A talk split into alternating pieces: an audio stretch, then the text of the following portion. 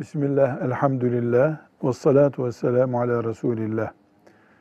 İnsanın annesi ve babası onu Allah'a götüren yolun tam ortasında durur.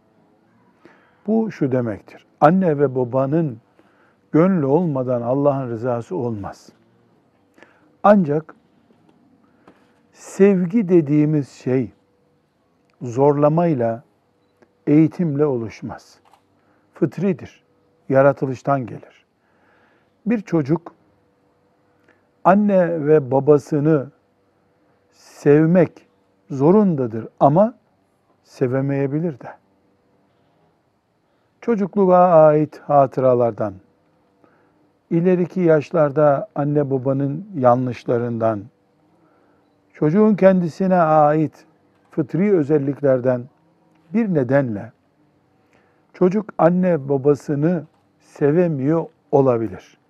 Bu onun ne kafir olduğunu gösterir ne de cehennemlik durumda olduğunu gösterir.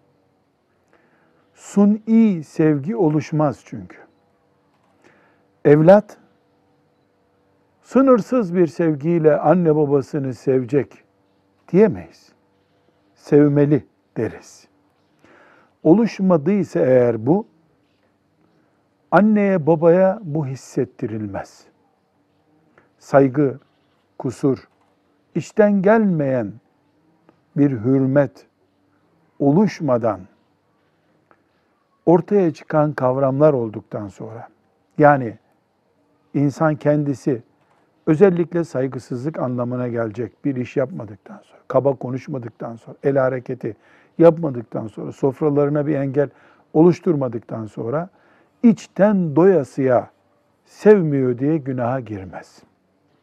Keşke anne babalarımızı kendimizden daha fazla sevebilsek.